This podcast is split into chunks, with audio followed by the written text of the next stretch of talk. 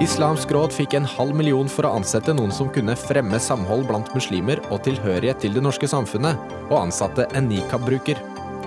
Mann banket utro kone i Stavanger. Retten mener han ble berettiget harm og ga han strafferabatt. Og trebarnsmor ber norske politikere stenge verdens største pornonettside. Det går ikke. Dette er ubehaget ved ytringsfriheten, sier IT-ekspert. Og kvinner har behov for mer bagasje enn menn, og veier mindre, så hvorfor ikke la dem ta med mer bagasje på flyet? Dette er noen av sakene fra Dagsnytt 18 i månedene som har gått. Programledere er Fredrik Solvang og Ugo Fermariello.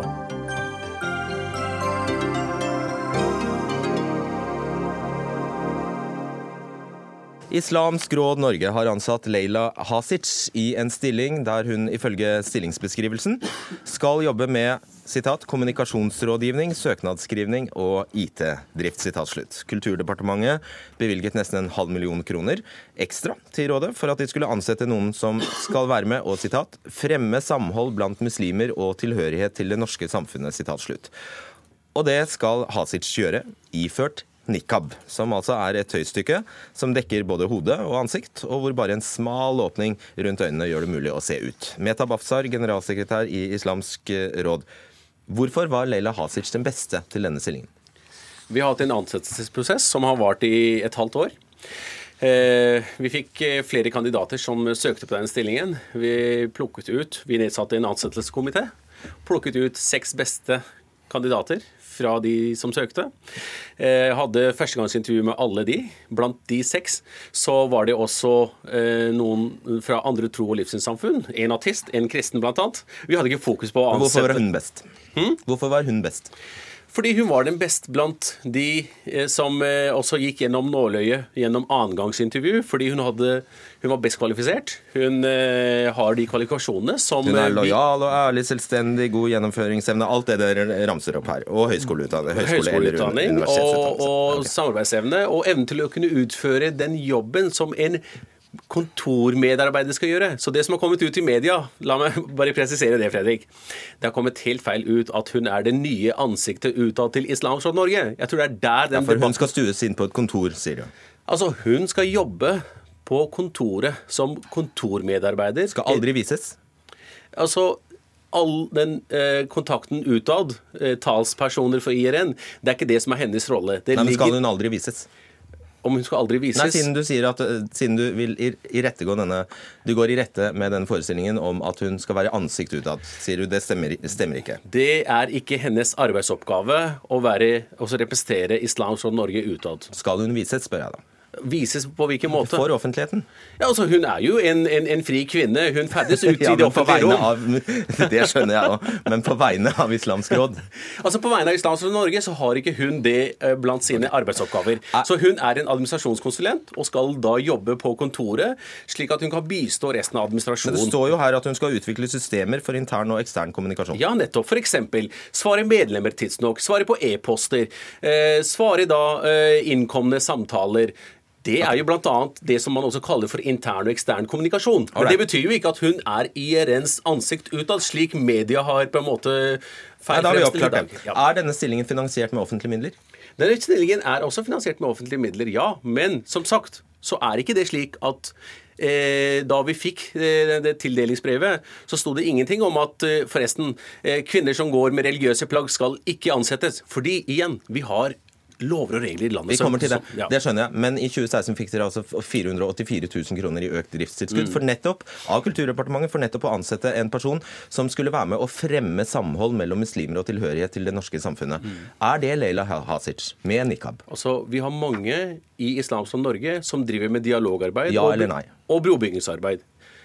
Hun vil gjennom sin jobb føre til, føre til, at det vil bli utløst mer tid for oss alle andre og kapasitet til å kunne utføre den jobben som departementet Nei, du fikk penger for å ansette en som skal fremme samhold mellom muslimer og tilhørighet til det norske samfunnet. Det er det du har fått penger, fått penger for. Og da spør jeg, er det en nikab-kledd kvinne? Altså, igjen, vi har lagt vekt på kvalifikasjoner. Og det er det hun da er ansett etter. Også er det veldig viktig å påpeke én ting. og det er det at Fordi vi har alltid fått kritikk for at vi da ikke er overalt og vi ikke er tilgjengelige. Vi, også fordi vi må jobbe kontorarbeid, svare på e-poster. Dette var for en del av mine oppgaver. Og det gikk på bekostning av andre aktiviteter utad. Nå har vi en administrasjonskonsulent som kan ta hånd om de interne rutinene, være på kontoret og holde kontoret operativt. Det er ikke administrasjonskonsulent du har fått penger til, skjønner du. Det er det som er poenget. Du har jo fått penger til en person som skal fremme samhold mellom muslimer og tilhørighet til det norske samfunnet. Ikke en sekretær. Jo, men altså, Vi har gjennom flere år i eh, samtaler med Kulturdepartementet sagt at vi trenger å styrke sekretariatet. Ja, men det er ikke det du har fått penger til. Jo, men La meg nå fullføre ja. nå, Fredrik.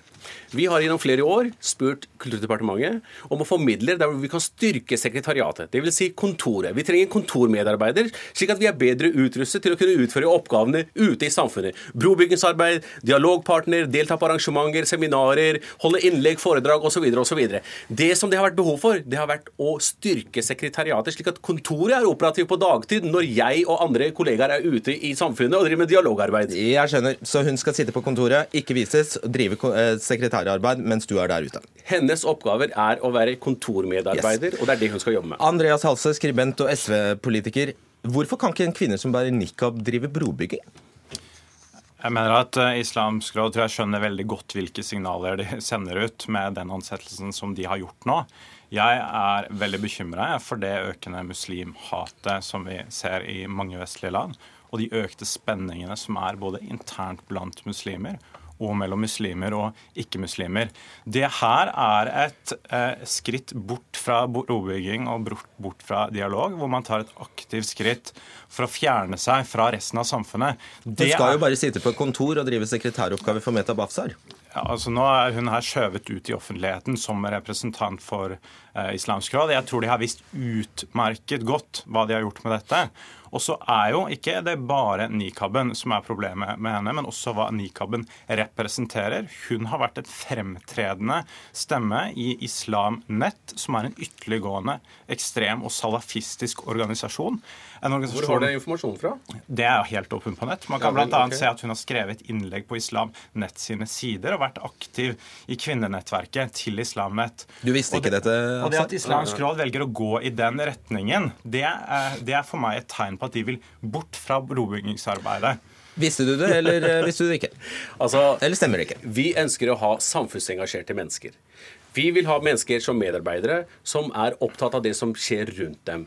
Om folk skriver blogger og okay. oppdaterer Facebook i, i, Ja, det er greit, på, Men visste du denne, om denne tilknytningen til Islamnett? Det har ikke vært noe tilknytning mellom henne og Islamnett. Okay, det, det, kan jeg avkrefte med en gang. En annen ting. Saken er det at på hvilken måte er dette ikke brobyggingsarbeid. Når vi får styrket sekretariatet og vi har større kapasitet til å kunne utføre de oppgavene Vi har, flere, vi har f.eks. dialogkomité, vi har f.eks. dialogpartnere forskjellige steder i landet som er aktive der. Og igjen, mener du at vi skal diskriminere mennesker i arbeidslivet, måten de går kledd på?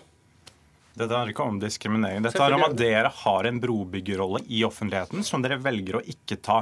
Og det er ikke bare denne ansettelsen her ikke, nei, Nå må du la meg fullføre, for det er ikke bare denne ansettelsen her som er problemet. Mm. Dere er også problemet. Islamsk råd tar aktive skritt bort fra å bygge broer. Nå vurderer det bosniske eh, moskeen å melde seg ut. Du har tidligere også, Islamsk råd, har fått, eh, fått skryt av lederen fra, for Islamsk nett. Du har hatt tvilsomme uttalelser når det kommer til fremmedkrigere i Norge og sammenlignet det med førstegangstjeneste. Det har vært veldig tror, mye bråk blander, i Islamsk råd, tror, som både tror, er splittende for muslimer, som fortjener også å ha moderate stemmer som fronter seg, og som er splittende mellom muslimer og ikke-muslimer i Norge. Jeg mener at summen av det dere gjør, med dette som et eksempel, er et skritt bort fra robygging okay, og bort fra dialog. Ja. Eh, du er veldig opptatt av at du faktisk ikke hadde noe valg. fordi hvis du hadde nektet, eh, nektet Leila Hasic denne jobben hvis du, du, sier at du kunne risikert å bryte arbeidsmiljøloven og diskrimineringsloven hvis du hadde nektet henne denne ansettelsen fordi hun ellers var kvalifisert, bare fordi hun hadde et religiøst uh, hodeplagg. Er det sånn å forstå? La meg nå forklare. For det første så er det ikke jeg som ansetter. Vi har hatt en ansettelseskomité som har eh, fremmet en innstilling etter en tøff uh, runde, intervjurunder, to intervjurunder eh, overfor styret. Og styret har igjen laget en innstilling som de har fremmet for rådet. Det er årsmøte og rådsmøte som ansetter mennesker. Ja, Det er greit, men dette er med lovligheten. Nettopp. Og jeg er veldig bekymret for de signalene som min sidemann kommer med. Nei, Ta dette med lovligheten. Ja, Hva er det du mener med det? Lovligheten. Altså, skal man da bryte arbeidsmiljøloven og diskriminere en person fordi hun er den best kvalifiserte, så skal vi si fordi du har en politisk, eh, religiøs og eh, filosofisk ståsted som da vi mener Hvordan vet du at det hadde vært brudd med arbeidsmiljøloven? Altså Diskriminerende fordi hun går med nikab. Det er det eneste eksempelet som, som, som ja, Hvordan vet du det at det ville vært det? Uh, ville ikke det ha vært det?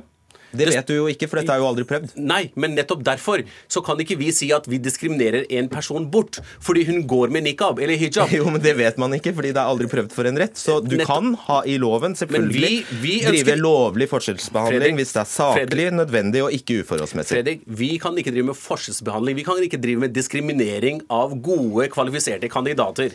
Og så den regla som min sidemann kommer med. Selvfølgelig er Islamsk Norge en stor organisasjon. Selvfølgelig er det rom for uenigheter selvfølgelig er det rom for gnisninger. Det er det jo også i ditt parti. Vi ser jo at eh, dere ligger ganske lavt eh, langt nede på meningsmålingene. Det er jo fordi man da ikke klarer å nå helt opp frem til, til, til velgerne, til de som, som, som, som, kanskje dere skulle ønske skulle ha stemt på det. Men for vår del da, så har vi rom for uenigheter. Vi har en demokratisk struktur der hvor det medlemmene kan ytre og si sin mening. Og så er det ikke, ikke, ikke alltid like enkelt å være talsperson og være aktiv i en så stor organisasjon som har en altså, medlemsmasse fra så å si hele verden som har forskjellig forståelse og tilnærming til ulike problemstillinger. Uh, Linda Helleland, kulturminister, har sagt at uh, dette er ytterst uklokt og provoserende i dag. Hva mener du hun bør gjøre? Jeg mener at Man burde vurdere kraftig om Islamsk råd ivaretar de oppgavene som man er ment til å ta. Det er å være en bro, blant annet å være en brobygger uh, og føre dialog mellom storsamfunnet og Islamsk råd selv. Jeg mener at Dette er et skritt vekk fra brobygging og vekk fra dialog, hvor man ønsker å ta avstand fra storsamfunnet. Dette er en liten administrasjon. Så har man én ekstra stilling, så er øremerka for å føre mer dialog og bidra til brobygging. Så velger man en person som har sterke tilknytning. Da skal du bestemme hvilket hodeplagg det vedkommende ansatte skal ha. Jeg skal ikke bestemme noen ting. Islamsk råd ansetter hvem de vil, men de, jeg mener at de per nå går et skritt bort fra å utføre de oppgavene de er ment å utføre utføre, som handler om dialog og brobygging. Dette er en person... Hijab, hadde det vært greit? Jeg skal ikke legge meg opp i hodeplaget til de som blir ansatt. Det er jo det du gjør. Hatt, det er jo akkurat det du gjør. Nei, fordi her mener jeg at nikaben også representerer noe mer enn hodeplagget. Okay, det representerer en salafistisk salafistisk retning innenfor islam som er knytta opp til Islam Nett i Norge, som bl.a. Eh, ønsker å innføre sharialover. Det mener jeg ikke er et tegn på dialog. Og det er ikke, og det er altså. ikke noe som moderate hijab, Det mener du en bruker av hijab ikke kunne stått for?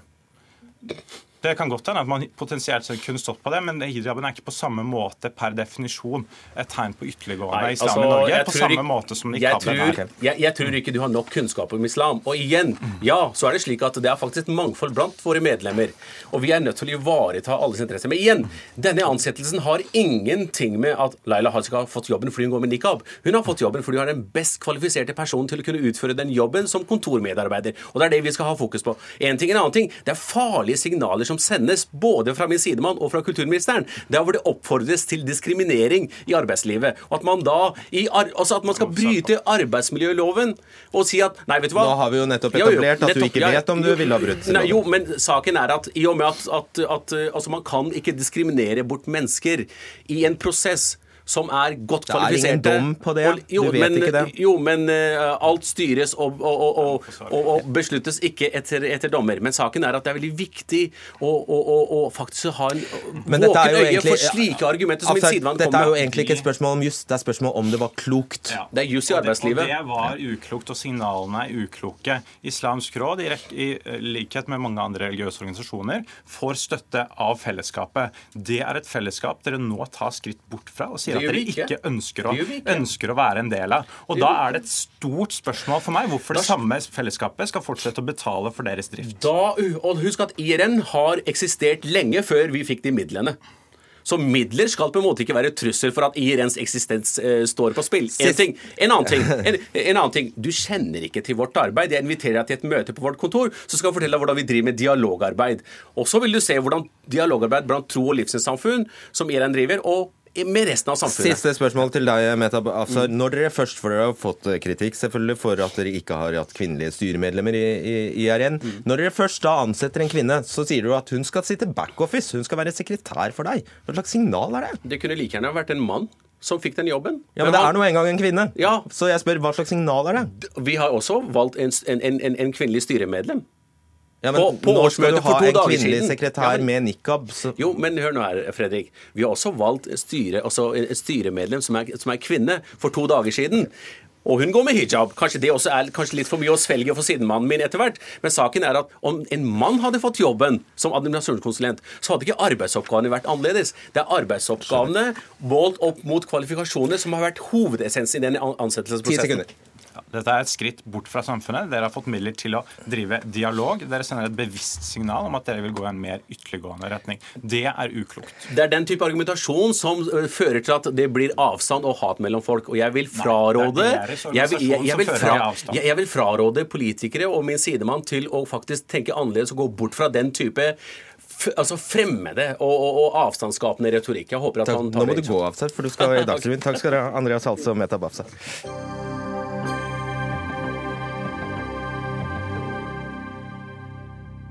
En januardag i 2015 kom tobarnsmoren hjem fra den eh, andre Dubai-turen hun hadde insistert på å ta uten ektemannen.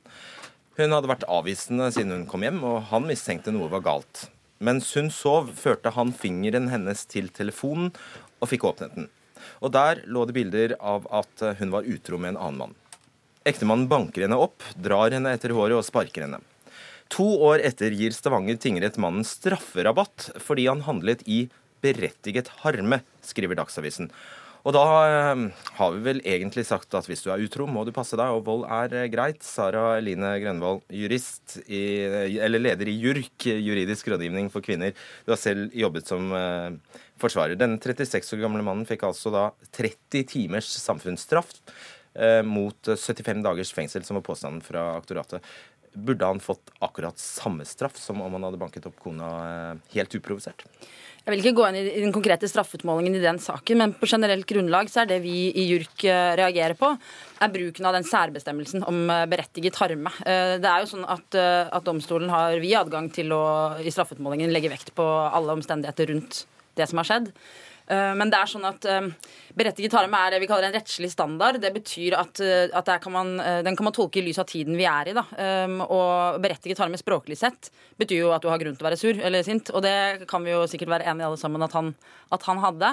Men det jo, det blir, blir, en sånn moralsk vurdering der også, hvor det peker også tilbake på fornærmede og, og, hennes grad av skyld, for å si det sånn. Eh, og det er der vi mener at eh, den bestemmelsen ikke burde komme til anvendelse i sånne typer saker. Marius Ditritzson, du er leder i forsvarergruppen, eh, og du mener det er riktig at mannen fikk strafferabatt i dette tilfellet. Hvorfor det? Når straff skal eh, utmåles, så skal man her, som i alle andre saker, eh, ta utgangspunkt i grovheten i den handlingen som er begått, og graden på skylden på lovovertrederen. Er skylden sterk, så går straffen opp. Er skylden svak, går straffen ned. Og slik også her. Berettiget harme. Det er det som er et spørsmål om. Det er rett og slett et spørsmål om har man vært eh, krenket? Har man blitt satt i en situasjon slik at man til en viss grad kan forstå at du eh, ble fly forbanna som du ble? Eh, så er skylden mindre. Og da skal også straffen ned. Det handler i bunn og grunn om likhet for loven. Likhet for loven krever at like tilfeller skal behandles likt, men da skal også ulike tilfeller behandles ulikt. Det er forskjell på et tilfelle hvor mannen kommer hjem og bare generelt sett er i dårlig humør og egentlig bare i en ufyselig stemning og banker kona si fordi han vil. Og i tilfelle som her, hvor mannen kommer over bevis, bildebevis på at kona er utro, og der og da reagerer. Det er forskjell på de to situasjonene. Skylden er klart mer markant i det første tilfellet, og derfor bør straffen også bli strengere i det første tilfellet og lavere i vår sak. Skal berettiget harme aldri kunne brukes til å gi strafferabatt? Jo, det syns jeg absolutt at, at, bestemmelsen skal. Men jeg er uenig med, med Didriksson her. Eller jeg mener at du blander inn uh, blander de to uh, både, altså Straffeutmåling er Eh, individuell og konkret. Der kan man helt klart legge vekt på omstendigheter som har skjedd eh, rundt, og det kan godt også tenkes at utroskap i visse tilfeller ville kunne da ha betydning eller innvirkning på straffen. Berettiget harme er ikke en del av generell straffeutmåling. Berettiget harme er en særbestemmelse. Det er en straffnedsettelsesgrunn.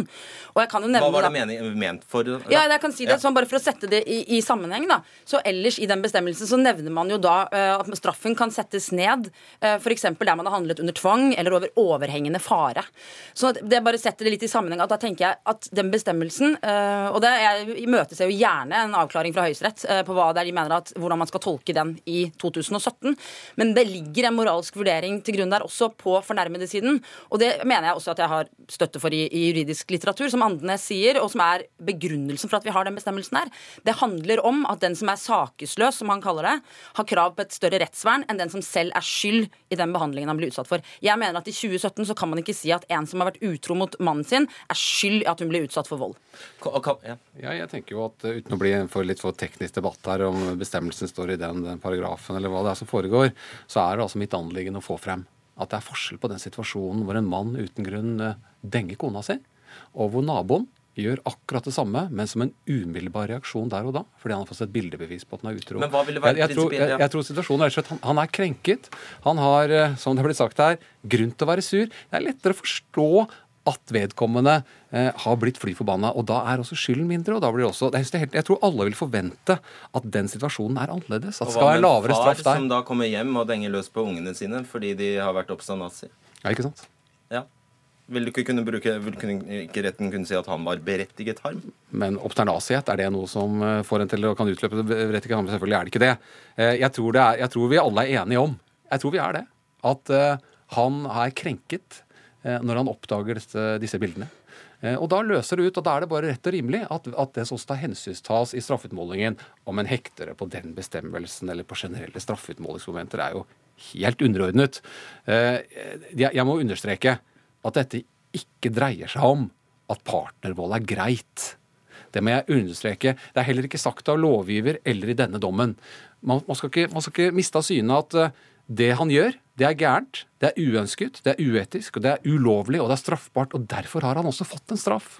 Men poenget er altså at straffen settes noe ned, fordi at det er en litt annen situasjon enn hvis han bare helt uten grunn, uprovosert, denkte henne. Jeg mener jo helt bestemt at der har domstolen såpass vide rammer innenfor de strafferammene som allerede er der, at man kan legge vekt på straff, altså omstendighetene rundt den straffbare handlingen uten å ta i bruk særbestemmelser. Det er jo faktisk sånn at En særbestemmelse mister jo betydningen som en særbestemmelse også dersom man bruker den i mer alminnelige tilfeller. Og bare For å oversette det du sier nå. Ja. Det du sier er at eh, utfallet er du helt uh, OK med? Altså, ja, nå, jeg kan ikke si det. Jeg har ikke vært til stede. Ja, jeg snakker på generelt grunnlag. Når det gjelder utfallet i denne konkrete saken, så vil ikke jeg si om jeg syns straff straffeutmålingen der nødvendigvis er riktig eller ikke. Jeg snakker på generelt grunnlag om bruken av berettiget harme i disse sakene. Og jeg er overbevist om at det ikke har uh, rot i på en måte moralsk oppfatning uh, vi har rundt dette i 2017. I tillegg til mener jeg at det er Helt, jeg er helt enig. Selvfølgelig så skal konteksten, en voldshandling, er blitt, uh, blitt gjort med vurderingen. Men så kan man jo også si at det, det vil stort sett nesten alltid være provokasjon. Eh, en eller annen form for forutgående handling som gjør at man slår. For de som ikke da er i den uh, situasjonen at du er liksom notorisk konebanker, så er det jo faktisk sånn at som oftest oppstår vold på bakgrunn av en annen hendelse. Av en krenkelse. Jo, av en krenkelse, f.eks. Og så kan man jo snu det på hodet og si at uh, tvert imot, han som da planlegger å gå hjem og banke kona si, kanskje han skulle få en straffeskjerpelse. Hva med den? Ja. Man kan jo faktisk si det. Ja, når, eh, Hvis skylden er klar og uttalt, så får man strengere straff. Er skylden mindre, så får man lavere straff. Og Det betyr jo ikke at når, eh, når straffen blir lavere, at det ligger i det en godkjennelse av handlingen. Tvert imot. Der pekefingeren er der. Dette er gærent. Dette hva, er ulovlig. Hva med kjønnsaspektet her? Eh, så jeg er litt sånn usikker på egentlig hva som hevdes her.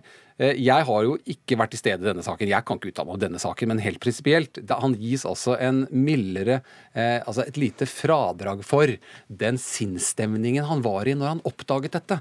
Om vi eh, betegner dette som dette eller hint, er vel egentlig helt underordnet situasjonen. Og da er mitt anliggende eh, dette er, dette er, noe annet enn de vanlige overgrep. og Derfor må det hensyntas under straffeutmålingen. Det har domstolen gjort i alle år, og så også her. Og Sånn må det være. Like tilfeller skal behandles likt, men da må også ulike tilfeller behandles ulikt. Ok, Jeg prøvde meg med et spørsmål om uh, kjønnsaspektet. Du får svare på det og avslutte med det. Altså, Svekker dette Jeg vil anta at du mener dette, siden det stort sett er menn som slår. Eh, svekker kvinners rettssikkerhet. Ja, det mener jeg at det gjør. Eller rettsvernet, i hvert fall. Og jeg mener også at det er viktig uh, å huske på, og det ser vi daglig hos JURK, veldig mange som er utsatt for vold, opplever selv unnskylder det nettopp med de har opptrådt provoserende på forskjellige måter. Og jeg mener at det domstolen gjør her ved å velge den bestemmelsen Jeg kritiserer ikke at man legger vekt på omstendighetene rundt og eventuelt kommer til en mildere straff, men det å bruke den bestemmelsen her er med på å si at provokasjoner på den måten her da gjør at du faktisk fortjener det. Nei, vold er galt, vold er straffbart, og det skal straffes, og det ble også han her. Ja. Det er ikke riktig. Men altså, skylden i de konkrete tilfellene er noe mindre. Derfor litt lavere straff. Takk. Sara Line Grønvold og Marius Ditriksson.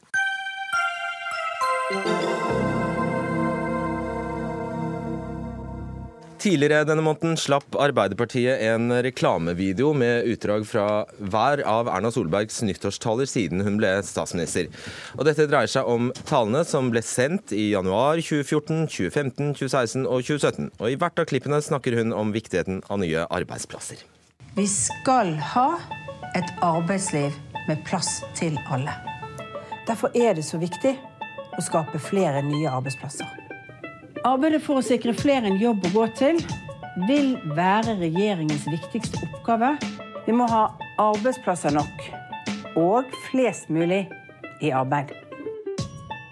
Og Oppå disse ordene har da Arbeiderpartiet lagd en, lagt en, graf som viser at arbeidsledigheten har gått oppover og oppover hvert år siden hennes første tale i 2014.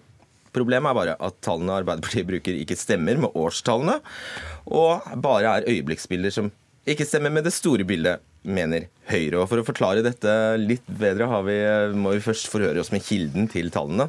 Det er Statistisk sentralbyrå og deg, Ole Sandvik, du er seniorrådgiver i seksjonen for arbeidsmarkedsstatistikk eh, der.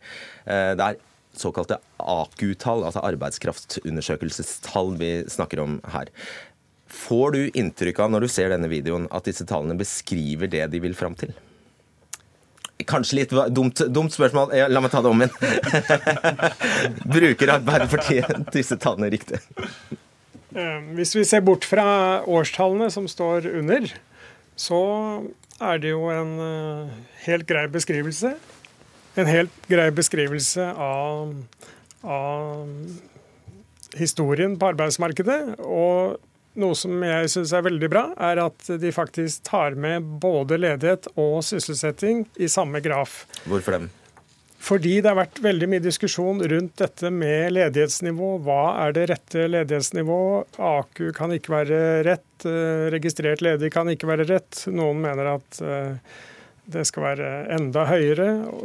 Ja, og den, den, ja. Istedenfor å gå inn på den diskusjonen, så har de, etter min oppfatning, da, gjort det veldig bra med å ta, legge inn både sysselsettingsnivå og ledighet i samme graf. Ja, jeg vet ikke om det er mulig å se her, men det er altså den mørkeblå linja her er da altså eh, sysselsetting, og den går altså nedover, mens arbeidsledigheten går oppover.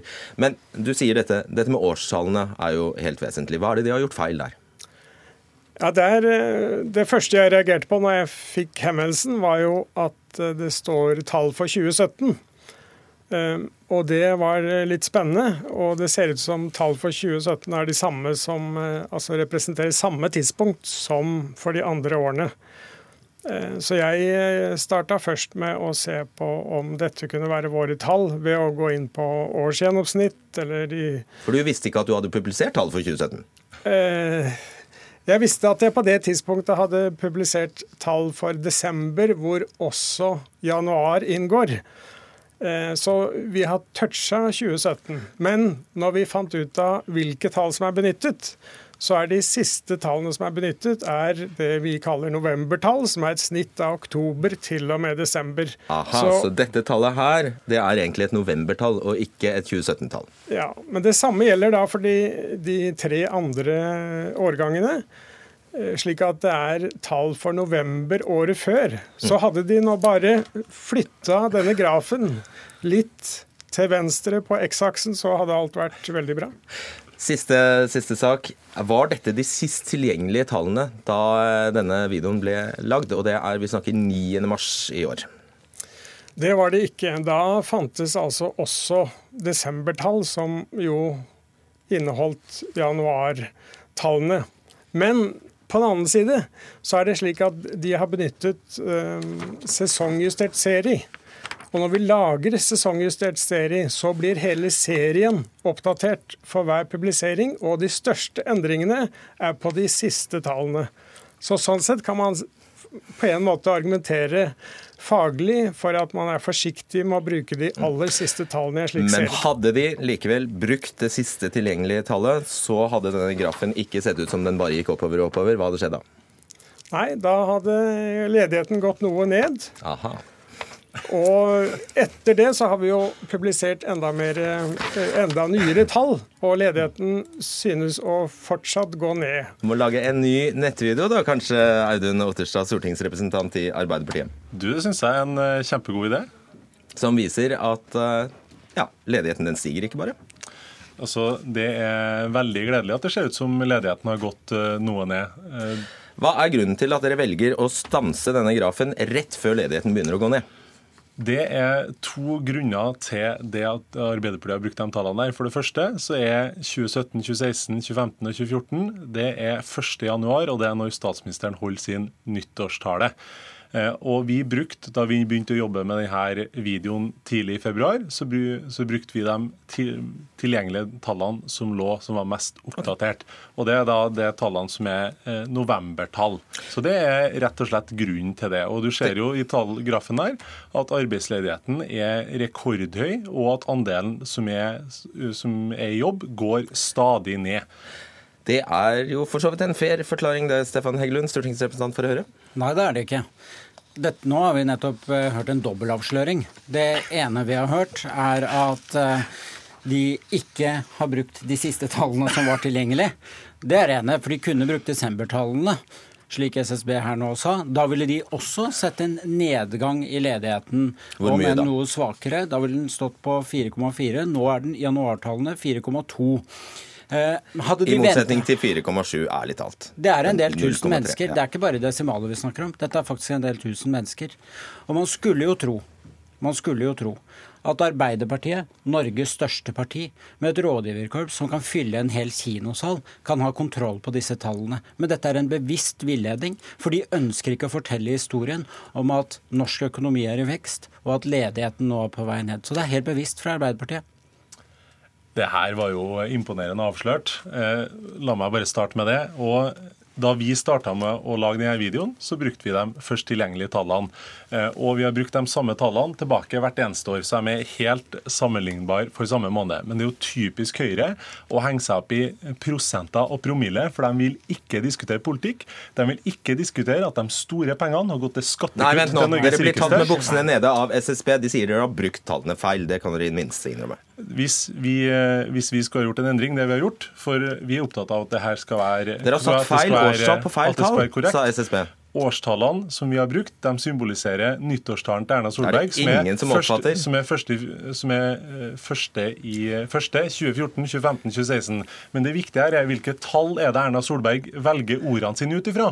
Og det er de samme arbeidsledighetstallene. Og når Erna Solberg sier at arbeidsmarkedspolitikken til Høyre virker kraftfullt, og så er det over 120 000 som er ledige på okay. samme tidspunkt, da tror jeg de enkeltmenneskene som går uten jobb, er litt uenige med Erna. Hyggelig. Hva var ledigheten Audun Otterstad i januar 2017? I januar 2017 Hva var ledigheten i januar 2017? I januar 2017 så ja, var den over 120 000. Hva var ledigheten i januar 2017? Da vi begynte å jobbe med det her, så var tallet 4,7. Hva var ledigheten i januar 2017? Det var over 120 000 mennesker som gikk 4,2% Ledigheten er på vei ned, og vi hørte nå SSB si at også ledigheten fortsetter å gå nedover. Det er bra. Men vet du hva poenget er? Poenget er ikke hvordan disse tallene ser ut for de som sitter i regjering. Poenget er at ledighet det er en viktig debatt. Og den er altfor viktig til å diskutere det ut fra feil tall. Når Arbeiderpartiet nå sponser denne videoen på Facebook, NRK plukker den opp fordi NRK tror at man kan stole på Arbeiderpartiet. NRK setter den på forsiden av sine egne nettsider. Så skaper det faktisk et villedende inntrykk av hvordan ledighetssituasjonen i Norge er. Og det er ikke bra. Så egentlig så syns jeg du burde gå tilbake til det du sa først til programlederen. Da han spurte burde dere lage en ny video, så sa du det hørtes ut som en god idé, og jeg er helt enig med deg. Det høres ut som en veldig god idé. Eh, på slutten av denne videoen så bruker dere sitat fra statsministeren fra Høyres landsmøte i fjor. og Der sa hun kjære landsmøte, ikke la noen fortelle dere noe annet. Den samlede økonomiske politikken virker nå kraftig for å bekjempe ledigheten. Mm. Og i løpet av det året Solberg siktet til, så har hun faktisk hatt eh, Hun har jo hatt rett når ledigheten synker til 4,2% Det stemmer jo. Jeg syns det er veldig gledelig at du har sett en svak oppgang i eh, norsk økonomi og i verdensøkonomien. Men samtidig, som professoren fra SSB sa, så må du se de her grafene eh, sammen.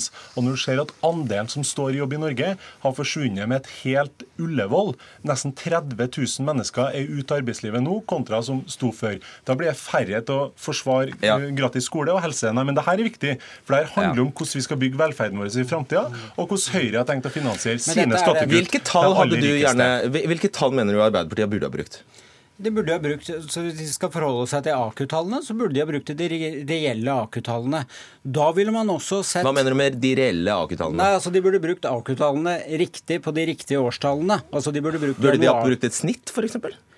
Ja, de burde ha brukt Når det står 2015, så burde det være et inntrykk av hvordan ledigheten var i 2015. Så 2015-tallet burde vært et snitt av arbeidsledigheten i 2015? Ja. Ålreit. Vet du hva fasit er da? Altså Hvis de hadde gjort det i Arbeiderpartiet, så hadde men, nei, fasit men... vært at i 2014 var ledigheten 3,5% i 2015 4,4% og i 2016 4,7% Med andre ord det stikk motsatte av det du vil fram til. Ja, og det, og det, men det her er typisk Høyre. For nei, vent litt, vent litt. Fordi, som jeg sa i sted, Poenget er altså ikke hvordan dette ser ut for det partiet som til enhver tid sitter i regjering. Poenget er at tallgrunnlaget når man skal diskutere et så viktig tema som ledighet, bør være korrekt. Og nå ser man at ledigheten er på vei ned. Det prøver Arbeiderpartiet å maskere, fordi de ser at våre tiltakspakker, vår skattepolitikk, har fungert. Og la meg bare programleder få lov til å si én ting om Arbeiderpartiet og ledighet. Dette er altså partiet som ønsket å utsette Johan Sverdrup-utbygging. 51 000 årsverk ville forsvunnet en investering på 1300 milliarder kroner ville gitt arbeid og aktivitet for hele landet.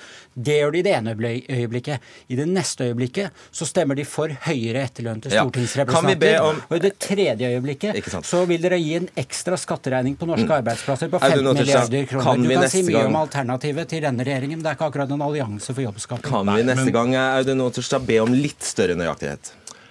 Arbeiderpartiet skal bruke de eh, arbeidsledighetstallene som er til, som er til enhver tid tilgjengelig når, og vi, for Arbeiderpartiet. Når, når, vi diskuterer, diskuterer, med Høyre, fordi det handler om enkeltmennesker som står uten jobb. Okay. Enkeltmennesker som ikke ser noen ting til skattekuttene til de aller rikeste, som ønsker større investeringer i nye skoler og sykehus, så vi får fart i økonomien igjen. og Derfor trenger vi en ny regjering. Vi trenger Jonas Gahr Støre som statsminister. Takk skal dere ha, Audun sånn Otterstad og Stefan Heggelund. Hør Dagsnytt 18 når du vil. Radio NRK Radio.nrk.no.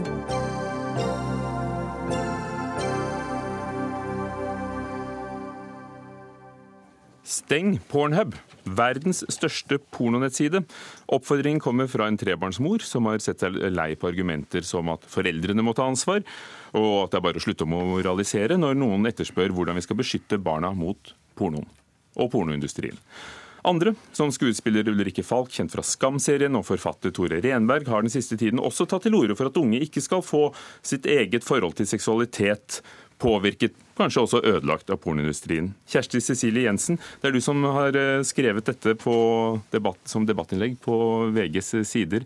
Hva var det som fikk deg til å, å be politikerne stenge verdens største pornonettsted? Det er vel rett og slett fordi jeg som forelder føler meg ganske maktesløs. Ehm, og jeg har ikke lyst til å sitte lenger og være vitne til at stadig yngre og yngre barn introduseres for porno og seksualiseres av pornoindustrien.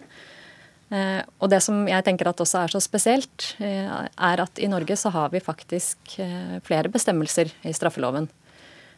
Som både Altså vi har et utstillingsforbud, og vi har et forbud mot å overlate porno til barn. Og når vi har denne enigheten i Norge om at vi skal beskytte barn mot porno, og ingen, altså jeg har i hvert fall ikke hørt at det er noe politisk flertall for å oppheve disse bestemmelsene, da må vi nesten begynne å snakke om hvordan vi skal håndheve disse reglene. Og, og det skal vi komme tilbake til, men før vi kommer dit. Hva er det du mener er så uh, skadelig hvis barna får tilgang til det? For det, det, det får de jo hvis de vil. Ja, altså det, hvis du vil. Altså det er også en ting som jeg gjerne vil ta opp. fordi det jeg så på min egen sønn eh, når han begynte å være aktiv på sosiale medier, det er jo at han får en rekke henvendelser fra ukjente personer som sender linker og inviterer til eh, eskortesider og pornonettsider. Sånn at dette er noe du blir påtvunget. Eh, og jeg, som sagt, altså, vi har en lovgivning som beskytter mot det, fordi det er, vi alle legger til grunn at dette er skremmende innhold som vi skal beskytte barn mot. Og så har jeg også sett nyere forskning som viser at de som bruker porno, de er oftere, eller vil oftere utsette sin partner for tvang og press i retning av å gjennomføre det man har sett i pornoen. Eh, og det er de konkrete skadevirkningene jeg vil at, at man skal ta inn over seg og, og, virkelig gjøre noe med. Og Du skriver spesielt om porno der det ser ut som om deltakerne kan være under 18 år, selv om det ikke det står noe om det. Mm. Og for å være presis, du, du, mener da å sørge for at tilgangen blir strengere. Det går ikke an å få, få stengt det, for det ligger jo ikke i Norge. Men Christian Tonning Riise, leder i Unge Høyre. Um, dette er en konkret utfordring til dere politikere. Ville du jobbet for et forbud mot å komme inn på disse pornonettsidene? Nei, altså et, et, forbud totalt tror jeg det er vanskelig å uh, skulle få til. Vi må jo legge til grunn at uh, porno er lovlig så lenge det gjelder voksne samtykkende mennesker. Og det er også lovlig for voksne mennesker å, å se på porno. Men jeg støtter jo helt intensjonen her, nemlig at vi bør gjøre uh, mer tiltak for å forhindre at porno er såpass tilgjengelig som det er for barn og, og ungdom i dag. Eh, og der er det nok mange ting man kan gjøre hvis ikke man løper liksom rett til totalforbud eh, med en gang. Det går an å se på muligheten for å, å gå i dialog med, sånn som KrF har foreslått, med nettleverandører for å ha pornofiltre som man kan skru av og på. Man kan gjøre noe på, på skolene. Og, uh, så det er, det er, mye man kan gjøre her. Men jeg er jo også litt opptatt av hvorfor er det uh, ungdom oppsøker dette i utgangspunktet. Og jeg tror det er fordi at mange lurer på ting knyttet til sex og seksualitet som de ikke syns de får gode nok svar på andre steder. Da blir pornosider en enkel måte å få den informasjonen på. Det er kanskje en enda viktigere oppgave for samfunnet å sørge for at barn og ungdom, når de begynner å lure på disse tingene og syns det kanskje er vanskelig å spørre foreldre eller lærere om det, så har man kanaler på enten nettsider eller programmer som Juntafil, Trekant andre ting, som gir god, informativ og fordomsfri informasjon om sex og seksualitet. Jeg tror det er enda viktigere enn å skulle gå på forbudslinja. Er det sånn at, at dette holder? Syns du du har hørt det før? Altså, det blir litt uh, tannlaust, da, rett og slett.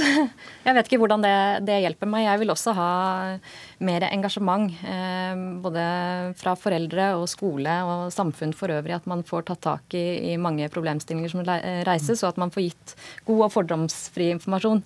Eh, jeg vil også at man skal, skal få den informasjonen man vil. Og, og, men jeg syns man bør begrense den tilgangen som er til pornonettstedene, som tilbyr altså i hvert fall sånn som Jeg oppfatter den informasjonen de tilbyr som veldig krenkende. Torgeir Waterhouse, ansvarlig for uh, nye medier i IKT Norge, bransjeorganisasjonen. Er det mulig å stenge tilgangen? Vi hørte jo en del lover vi har som kanskje kunne fått oss til å begrense tilgangen? Det er jo her vi, altså, virkeligheten og intensjonen møter hverandre. fordi det er mulig teknisk sett å hindre noen fra Norge å komme til dette ene aktuelle nettstedet som er nevnt bl.a. Men da må vi ta i bruk metoder vi kritiserer Kina for å bruke på å filtrere nettet. Så det vi kan gjøre noe med, det er informasjon. Eh, den enkelte kan installere filter hjemme på eget utstyr, på barns utstyr. Skolene kan ha, ha filter på sin nettforbindelse og sitt utstyr osv. Men det, man kan ikke på en fornuftig og en måte, og på en måte som er i tråd med våre demokratiske og rettsprinsipper og ytringsfrihetsprinsipper osv. i Norge, hindre folk i Norge å komme til slike nettsider. Det er ikke mulig. Og Det er viktig her at det vi diskuterer, det er hva er det som er mulig å gjøre. Vi diskuterer ikke om det er OK at barn bruker porno eller ikke. Vi diskuterer hva det teknisk sett og, og, og samfunnsmessig er hensiktsmessig og mulig å gjøre. Kjell Ingolf Ropstad fra Kristelig Folkeparti på Stortinget. Dere har jo foreslått tidligere pornofiltre, bl.a. inspirert av Storbritannia, at bredbåndsleverandører skal kunne uh, ha det. Er ikke det naivt å tro at det vil kunne gå an? Og er det i tråd med paragraf 100 og ytringsfriheten og, uh, og vår anledning til å oppsøke det vi vil, og som er lovlig? Mm. Ja, som du hører her, så er jo alle enige om at det er en problematikk som er viktig. Vi ønsker å beskytte barn fra porno. Og jeg tror vi alle er enige at det viktigste filteret til et barn, som Torgeir har sagt før, det er et filter oppi her. At den er trygg på seg sjøl, trygg på egne grenser, og får god seksualveiledning både hjemme, men også i skolen. Så er spørsmålet hvordan kan du beskytte barn fra å tidlig komme inn særlig uønska på pornografi. Der er jo filter til, tilgjengelig i dag. Men det er mange av oss som ikke nødvendigvis er tekniske IK-eksperter, IT-eksperter, eh, og de trenger hjelp. Og Derfor er forslag som er fremma i Stortinget denne veka, å gå i dialog med internettilbyderne og be dem om å tilby enkeltfilter. Det vil aldri kunne beskytte helt, det kan være mulig å unngå, men det vil iallfall hindre en del av de tilfellene som, som Kjersti Jensen her refererer til, med at en får uønska henvendelser og kommer inn på pornografi uten at en ønsker det. Altså det, det, å gjøre det påbudt å ha et sånt filter vil nok fort kunne komme borti en del sånn ytringsfrihetsproblemstillinger. Hvis, hvis ikke det dere foreslår, så høres det ut som noe som jeg ikke umiddelbart eh, er, er så negativ til. Og det, det, er, det, er sikkert, eh, det er sikkert mange som kommer inne på disse sidene ved, ved, feilsøk på Google og sånne ting. Men jeg tror at uten å ha noen måte, forskningsdokumentasjon som kan si det, at jeg tror de aller fleste kommer inn på dette fordi at man i en gitt alder begynner å lure på en del ting. Og da begynner man også å søke på en del spesifikke ting. Og hvis ikke man da får den informasjonen et annet sted, så blir porno et veldig enkelt sted å få den informasjonen. Så jeg skulle ønske at vi brukte litt mer tid på å diskutere det aspektet, heller enn hele tiden å diskutere forbudsaspektet på andre siden i stedet. Kjersti Cecilie Jensen, du er ikke bare mor, du er også advokat. Hvordan er det du tenker at dette kunne gjøres? For du viser jo til faktisk lover vi har, mm. så, så bl.a. å pålegge registrering av alder.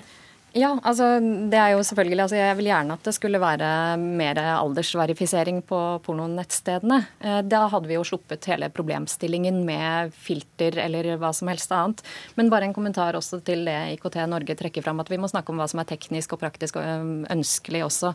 Og at ytringsfriheten ble trukket fram her. Og nå er det jo sånn at ytringsfriheten er jo heller ikke absolutt. Vi har jo grenser for den også. Og, og på samme måte så tenker jeg også at heller ikke internett skal være et en arena hvor man ikke har noen som helst regulering. Og spesielt ikke når man har aktører som ikke tar samfunnsansvar, og som i hvert fall også bryter norsk lovgivning. Så da tenker jeg at da må storsamfunnet inn og regulere. Men tidligere sto pornoen øverst på Narvesen eh, bak noe pleksiglass. Eh, man fikk det med kamerater, og det var kanskje langt uskyldige bilder som var å se i Alle menn og cocktail for 20 år siden. Nå er det langt mer. Men tror du ikke barn i dag er mye mer verdensvante og vant til medier og, og vet at at ikke det er noe de skal drive med. At det er like greit å bare bli vant med det. Fordi altså, Pornhub er verdens største nettsted. Det har 50 millioner brukere bare om dagen. Ja, altså Det er jo det som er det skremmende, når man ser at det er så mange brukere, og at det er stadig yngre barn. Altså Ulrikke Falk som trakk fram at hun begynte å se på porno fra sju års alder av. Det er ikke en ønskelig situasjon. Altså Vi er enige om lovgivningen i Norge. Vi skal ikke, altså Barn og porno hører ikke sammen. Eh, barn skal beskyttes mot porno fordi det er skremmende. Og det er spesielt skremmende mye av det som er tilgjengelig i dag som mainstream porno. Um, og Det er derfor jeg syns det er viktig at vi, vi, snakker ordentlig om hvordan vi skal håndtere det her, og ikke bare legger oss flate for at internett skal være åpent for alle. Men det her er det viktig at vi som politikere tør å ta debatten, og det er derfor vi fremmer forslag og bedt om et eget utvalg som skal se på. For det kan godt være at, og jeg vil gjerne at sånne typer som IKT Norge skal sitte i et sånt utvalg for å se på hva kan vi gjøre. Fordi men, men det er samme, Du kan ta alkohol da, som et annet eksempel. Det er ingen her som ville sagt at uh, en tror at en 14-åring ikke får tak i alkohol, eller en 10-åring for den saks skyld, men vi ønsker at jeg skal utsette debuten så lenge som mulig. Så hvis Ulrikke Falk, som skriver at hun begynte å se på porno som sjuåring, kunne vente noen år, så er vi alle enige om at det hadde vært positivt, og da tror jeg òg et filter kunne ha hjulpet. La oss spørre typen fra IKT Norge. Hvordan gikk det i Storbritannia uten å gå helt til Kina? De, de prøvde seg å pålegge bredbåndsleverandører å filtrere. Ja, De er vel, eh, om jeg husker riktig, fremdeles i prosess på det, på hvordan de skal gå fram, og, og det er mange, mange grep rundt det som er Uh, hva skal jeg si, vanskelig å se på kort sikt hvordan det fungerer. Men det vi vet sikkert da, med løsninger à la Storbritannia, er at det kommer man seg rundt. og det, det, er vi enige om. Det er også en del av debatten her. Uh, man kommer seg rundt dersom man ønsker det. Jo, men sånn er, har det jo alltid vært. Altså ja. De som vil få tak i det. Og, og, vi tror vel ikke at ingen barn vil få tak i noe litt forbudt hvis, hvis de har lyst en gang. Men, men, de vil jo gjøre det mye vanskeligere. De valgte en dialogløsning, bare for å si det. Ja, og det, og det vil uh, ja, enten, som endte i en slags tvungen løsning. Tvungen dialog. De fire største internettleverandøren internettleverandørene ja. valgte iallfall å tilby. Ja da, og, og, det, og, det, er fint. Og de er kommersielle aktører som kan tilby filter akkurat som andre mm. Eh, kan tilby filter, helt uavhengig av nettleverandøren din. Og det fins, og det kan den enkelte velge å kjøpe og velge å ha. Men det er også ganske viktig å huske på at vi er Norge. Eh, Pornhub, som er aktuelle siten til det er en site i USA. Vi driver etter lovgivning i USA, og, og vi vil aldri klare å håndtere weben og innholdet på nett eh, med lovgivning fra Norge rundt f.eks. aldersgrenser. Så en aldersgrense det måtte vært hvis USA f.eks. Ja. hadde innført det. det og det, det, kan jo de godt gjøre i USA. faktisk et selskap i Luxembourg, verdens største okay, ja. imperie. Ja. Uh, og, og, det, og, Noe av utfordringen med dette er jo nettopp det. Der vi før måtte reise ut i verden for å bli eksponert for det som er der ute, som er annerledes fra Norge, så har vi hele verden tilgjengelig via internett. Og Det har oppsider og nedsider. Og det vi er midt oppi nå, denne diskusjonen, det er en av de opplagte, vanskelige og uønska baksidene ved fri flyt av informasjon, fri tilgjengelighet. Og så må vi huske på en viktig ting med barn. Vi skal ikke begynne å ha aldersgrenser på å komme seg ut på nettet. Barn har like stor rett til å gå anonymt på nett som voksne har. Og så må foreldrene lage regler og følge opp hjemme. Tror du ikke at barna dine er smarte nok til å jo, altså jeg, min ja, til, å, til å håndtere det? Min tolvåring har akkurat bygd sin første PC, og han er, er, veldig digitalt kompetent. Og jeg prøver å henge med som godt jeg kan. Jeg prøver å gi han utrustning til å takle alt som er der ute. Men jeg er fortsatt opptatt av hva pornoen gjør med, med, samfunnet også, når man har så mange barn som blir introdusert for det. Og jeg tenker at det er viktig å gjøre noe, fordi vi må også sende en signaleffekt, og vi må ta ansvar som voksne for å beskytte barn. Kristian Tonje Riise, er du med på det dialogmøtet som eh, Ropstad vil få i stand? Ja, det tror jeg, jeg tror det er nettopp sånn vi er nødt for å kunne finne, finne pragmatiske tiltak her. Nettopp fordi at internett er globalt, og det er ingen som ønsker noen sånn omfattende internettsensur, men ved å gå i dialog med leverandørene, kunne få markedsbaserte løsninger, så kan man sikkert eh, finne ting. Men du vil ikke komme utenom at det også et, eh, vil være, måtte være foreldreansvar her. Det Ellers anbefalte du jo nettopp et P3-program til opplysning. Takk skal dere ha, alle sammen. Kjersti Cecilie Jensen som har skrevet om dette i VG.no, Torgeir Waterhouse fra IKT Norge, Kjell Ingolf Ropstad fra KrF og Christian Tonning Riise, leder i Unge Høyre.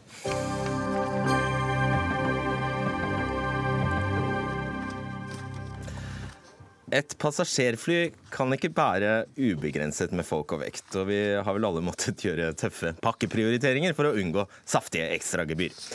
Og hvis det er slik at kvinner veier mindre enn menn, som det jo vel statistisk er, og at de har behov for mer bagasje når de skal ut og reise, ja, da burde de vel få en egen kvinnekvote for bagasje.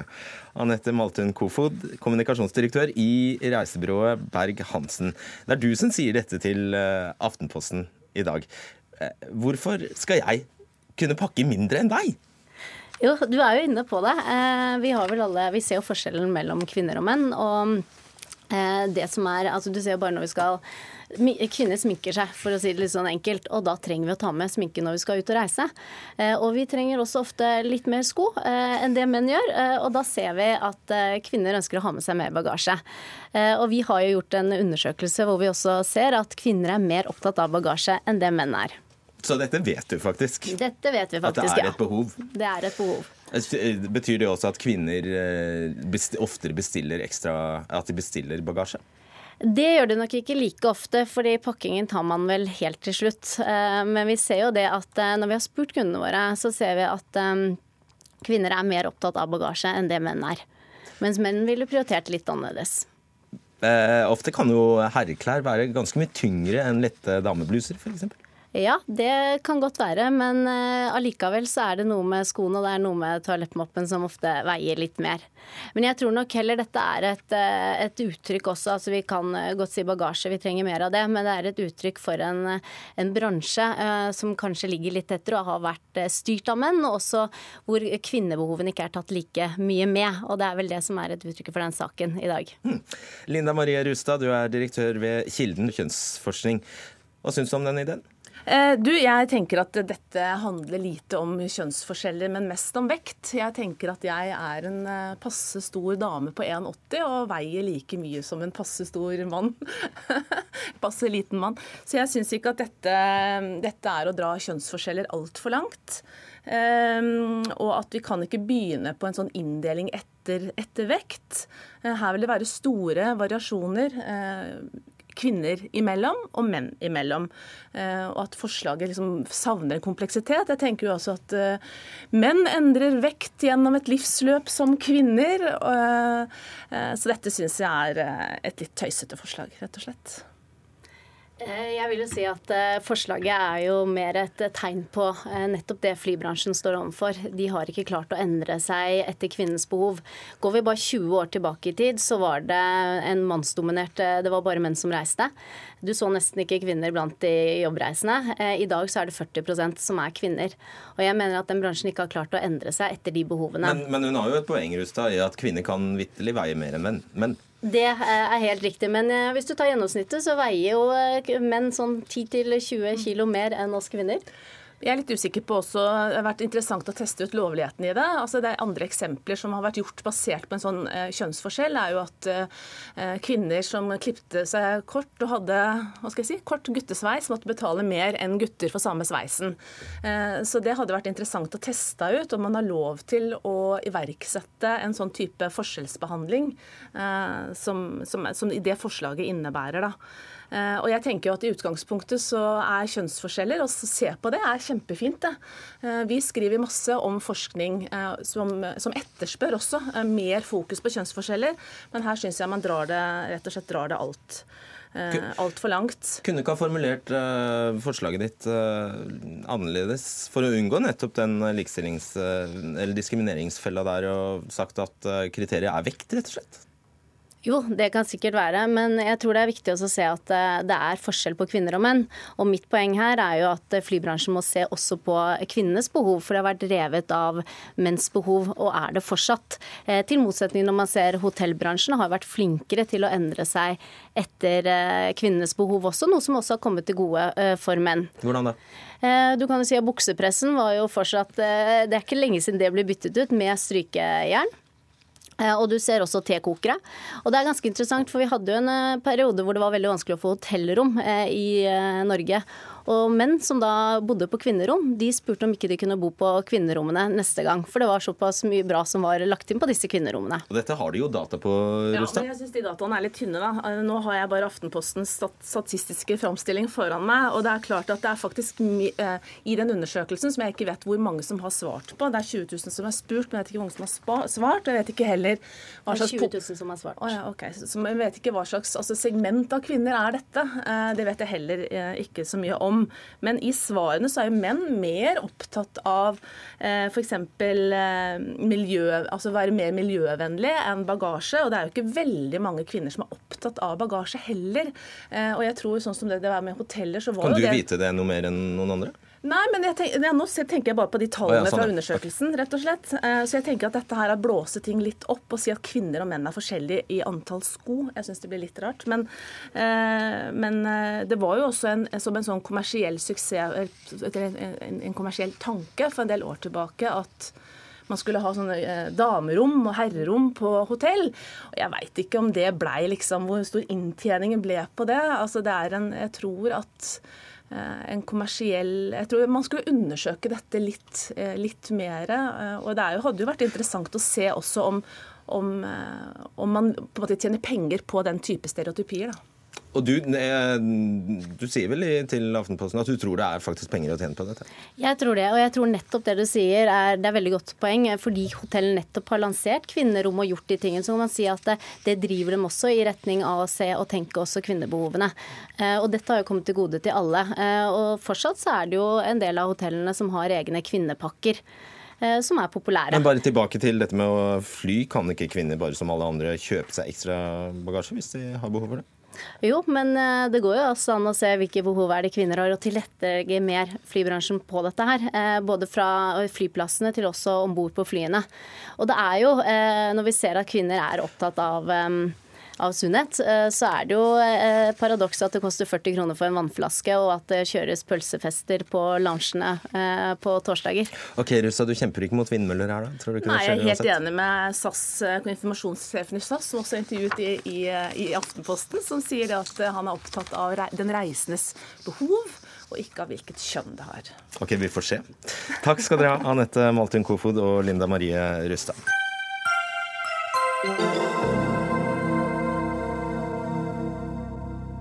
Dette var noen av sakene fra Dagsnytt 18 hittil i 2017.